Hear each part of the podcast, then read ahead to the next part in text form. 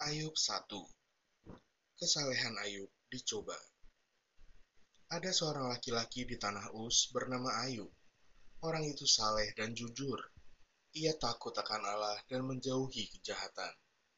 Ia mendapat tujuh anak laki-laki dan tiga anak perempuan. Ia memiliki tujuh ribu ekor kambing domba, tiga ribu ekor unta, lima ratus pasang lembu, lima ratus keledai betina, dan budak-budak dalam jumlah yang sangat besar sehingga orang itu adalah yang terkaya dari semua orang di sebelah timur. Anak-anaknya yang lelaki biasa mengadakan pesta di rumah mereka masing-masing, menurut giliran, dan ketiga saudara perempuan mereka diundang untuk makan dan minum bersama-sama mereka. Setiap kali apabila hari-hari pesta telah berlalu, Ayub memanggil mereka dan menguduskan mereka. Keesokan harinya, pagi-pagi, Bangunlah Ayub, lalu mempersembahkan korban bakaran sebanyak jumlah mereka sekalian. Sebab pikirnya, mungkin anak-anakku sudah berbuat dosa dan telah mengutuki Allah di dalam hati. Demikianlah dilakukan Ayub senantiasa. Pada suatu hari, datanglah anak-anak Allah menghadap Tuhan, dan di antara mereka datanglah juga iblis. Maka bertanyalah Tuhan kepada iblis, "Dari mana engkau?" Lalu jawab iblis kepada Tuhan, dari perjalanan mengelilingi dan menjelajah bumi. Lalu bertanyalah Tuhan kepada iblis, Apakah engkau memperhatikan hambaku Ayub? Sebab tiada seorang pun di bumi seperti dia yang demikian saleh dan jujur, yang takut akan Allah dan menjauhi kejahatan.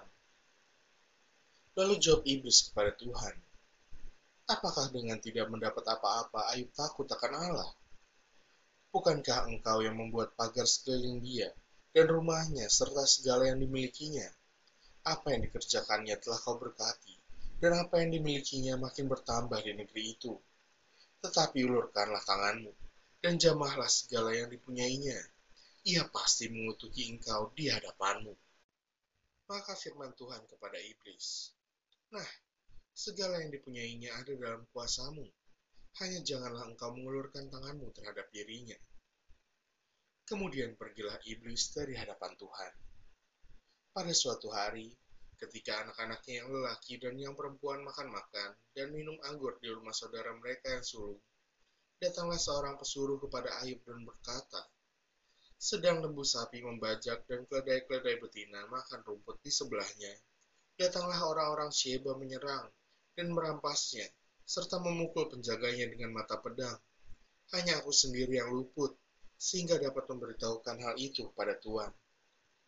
Sementara orang itu berbicara, datanglah orang lain dan berkata, Api telah menyambar dari langit dan membakar serta memakan habis kambing domba dan penjaga-penjaga.